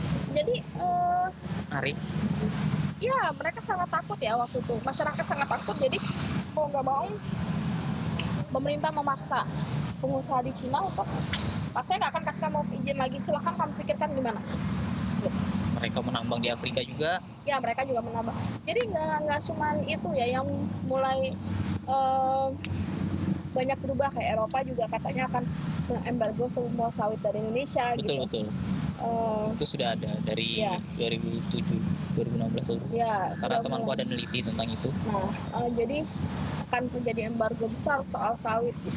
Jadi kalau membaca lanskap itu baca pasar dunia. Sebenarnya kebutuhan dunia itu seperti apa? Kalau misalnya negara-negara kayak Australia, Australia itu akan merubah eh, energi batu bara akan dirubah pakai panel tenaga surya besar cukup besar dia akan Oke, dibangun. tapi lucunya dia dibangun di Indonesia juga di Manggarai salah satu kabupaten di Flores Timur. Oke. Berapa juta hektar nggak berapa juta berapa ribu hektar yang akan dipakai. Akan digunakan dipakai Akan di Indonesia? akan dibersihkan untuk dibuatkan panel untuk ngalirin Untuk energi ke ke satu benua Australia. wow Jadi kita kayak nyuapin mereka gitu ya. Iya, jadi kalau nah kenapa Australia aja memilih begitu gitu? Iya. Kenapa kita tidak memilih? Kenapa kita nggak punya kepikiran untuk nge-supply satu pulau kita untuk itu? Iya, misalnya, misalnya nggak usah lah ya, misalnya oh, daripada lapangan lapangan kini Balu itu dibangun masjid Iya, karena sudah atau banyak. daripada sepanjangan sekarang Mungus di uh, Tarmi itu dibangunin masjid kalau dipasang panotraan surya itu Iya, iya, iya. Masjid rumah kami Betul, pakai betul, jadi betul. masjid pakai lampu itu pun bisa pasti Sebenarnya bukan masalah agama, ya karena bukan bukan soal sebenarnya kalau kita kan orang Islam ya, Iya. kayak masjid-masjid itu juga sebenarnya kosong kan, dan itu kalau kita bangun masjid di Kini Balu untuk apa? Karena dekat dengan masjid-masjid lain, dekat dengan masjid-masjid lain kan. Oh. Jadi itu mungkin akan memakan biaya doang untuk apakah itu memang sengaja Iya. mereka buat untuk bansos bansos itu buat apa kalau iya misalnya iya betul betul bikin aja misalnya satu perumahan alaya itu ada kan sekarang itu aku lihat se, eh, tanah surya itu cukup rata-rata dipakai orang orang kaya kayak di Samarinda Iya, iya. misalnya itu paling cuma untuk air panas. Heating air panas mereka. Mm, atau hotel biasanya pakainya untuk air Iya, panas. Kenapa tuh? Itu itu berhasil gitu. Kenapa kita nggak pakai? Iya. tinggal subsidi aja dulunya kita bayar listrik ke PLN sekarang kita pakai uang ini untuk beli pan- panel tenaga surya. Tapi itu mungkin yang tidak pemerintah inginkan karena mereka inginkan adanya pemasukan. Karena aku pernah nonton Vice. Vice itu film Amerika. ya, ya. Oh Yang- Amerika di Indonesia juga ada? Ada juga itu Hmm. Vice itu tentang kayak satu apa sih perdana eh bukan perdana menteri kalau nggak. White House-nya gitu kayak DPR-nya mereka itu sempat mau naik jadi wakil presiden. Terus sebenarnya sebelumnya mereka gunakan tenaga surya. Cuman habis itu diganti ke tenaga tambang lagi dengan minyak karena itu itu kebutuhannya mereka untuk dapat uang dari situ. Ya karena uang cepat kan gali keruk iya iya. kayak gali keruk eh bongkar keruk angkut dapat uang. Iya iya. Itu mungkin emang disengaja disengaja seperti iya itu kenapa karena- sengaja dan mengorbankan orang banyak? Iya iya betul betul betul. Kenapa? Apakah kita memang kan kita sebenarnya nggak daerah otonomi ya? Iya iya. Sejak 2000 2002 ya. Kita sudah punya otonomi daerah tahun 2000-an kita bisa harusnya bisa mandiri. Betul. Buat apa misalnya dana desa dana desa terus dialirkan oleh kementerian? Iya iya dan ke mana? Larinya kan? Hmm, kalau cuma buat bangun-bangun jalan kenapa nggak iya di iya. Oke tahun ini lima rumah dulu ya dalam satu RT misalnya. Betul betul betul. Untuk ini tahun depan nanti kita subsidi lagi ya. Iya, iya. karena kan kita bayar pajak tuh. Betul betul betul. Terus lima rumah lagi lima rumah lagi. Gitu atau lima tahun ya? Oh tahun ini ada 100 rumah. Tahun depan berapa rumah? Kan lumayan gitu. iya iya. Lebih baik kita nyicil buat yang arah lebih baik daripada kita nyicil untuk merusak kan ya Ya, itu logika yang standar sih. Iya. Jadi kenapa kenapa sampai sampai sekarang saya berpikir dan masih pada garis eh, atau pada posisi melawan eh, industri ekstraktif karena itu harusnya kita mulai berlatih eh tidak- misalnya tidak pakai plastik kenapa juga kita tidak dibiarkan untuk memakai atau dipaksa aja sekalian. Iya, iya. peraturannya? Kita harus satu rumah minimal satu atap seng atau ukuran ya disebut aja ukuran berapa kali berapa itu pakai panel tenaga surya oke oke. Kalaupun kita harus beli kan kita jadinya nggak akan bayar sebanyak itu ke PLN Ah. walaupun mungkin awalnya banyak cuman Ya, awalnya banyak. tidak tidak ini tidak berulang Iya, kan tapi kan kita bisa cicilan dan Iya, betul, betul, betul. ditanggung oleh negara karena kan kita bayar iya iya pajak kan. mungkin ada subsidi Iya, subsidi pemerintah buat seperti itu Ya, kalau memang perintahnya yang lebih baik sih kan ya kalau niatan pemerintah aku aku rasa sih pemerintah sampai saat ini memang eh, apa namanya pasti punya niatan baik. betul betul tidak ingin merusak dan menghancurkan bangsa ini. Betul. Hanya saja, kenapa tidak berani gitu? Harusnya oke. berani untuk bilang kami akan berganti seperti ini. Mungkin pasti ada penolakan, mungkin pasti ada kelemahan, iya iya atau ya belajar ya. Tapi aku rasa kita seperti anak kecil saja gitu ya. Belajar berdiri atau belajar belajar berjatuh pasti jatuh, tapi kita pasti berjalan gitu betul betul, pasti ada perubahan gitu. Nah kita ini kayaknya sekarang semakin mundur gitu lingkungan kita tambah rusak, em, teknologi yang dihasilkan juga kita masih berpatokan pada beberapa negara Iya. misalnya Korea, Jepang, em, Cina atau Eropa ya kita masih Iya. berpatokan pada di sana kemudian pemerintah kita bobrok karena korupsi betul kemudian beban generasi kita itu juga harus dipikir. Jangan ya s- jangan egois gitu ya betul betul betul. Udahlah nggak apa-apa. Nanti juga pasti ada teknologi lagi kok. Iya pasti ada teknologi lagi. Kenapa harus memikirkan? Itu kalau mencegah saja kita bisa kalau lakukan. bisa dicegah kenapa enggak? Kalau buat anak cucunya nanti kan. Ya buat generasi kita buat eh, buat kehidupan keberlanjutan kehidupan ini di Indonesia atau mungkin yang di atas sudah mulai mikirkan kayak "Oh, anak cucuku yang penting sudah dapat tujuh turunan kaya menurun jadi bisa pindah dari negara Ya, ini ya. ya tapi itu sangat egois Iya, kan? iya, karena dan- perjuangan bangsa iya, iya, ini betul, betul, disokong oleh dari Aceh sampai Papua betul betul betul jadi kalau memikirkan diri sendiri itu sangat egois, Egois sekali banget, iya. gitu. kita satu darah satu tulang satu daging satu merah putih kenapa eh, kenapa harus ada yang egois betul betul betul kalau kalau eh, apa namanya generasi sekarang egois aku yakin kita akan punya dosa jariah gitu loh. Dosa, yang dosa nggak akan yang akan turun menurun ya kita turun teruskan kita teruskan gitu. Iya iya. Bukan pahala jariah tapi Iya, iya. dosa jariah yang kita teruskan kepada orang lain Betul, gitu, betul. kepada generasi selanjutnya. Kita akan ketemu bareng-bareng sekaltiman Iya. rame-rame di di alam tempat di alam baka yang kita akan disiksa terus karena diungkit lagi dulu tuh pemerintahan dulu disiksa Iya, lagi. iya, dulu betul, generasi dulu buang sampah sembarangan Iya, siksa iya. lagi gitu. Turun menurun yes sangat atau kita terikat di dalam tanah Iya, log- terikat logik sama plastik-plastik yang kita pakai Ah. gitu. nah jadi ya kita harusnya berjuang untuk mendapatkan kalau agama itu mendapatkan amal jariah gitu ya. Iya kenapa kita sekarang memupuk dosa jariah? Jangan dong. Harusnya kita memupuk pahala iya iya gitu. betul betul. Seperti itu nih loh sudah berapa menit nih? Sudah satu setengah satu setengah jam. wah, wah, wah, wah. Heeh.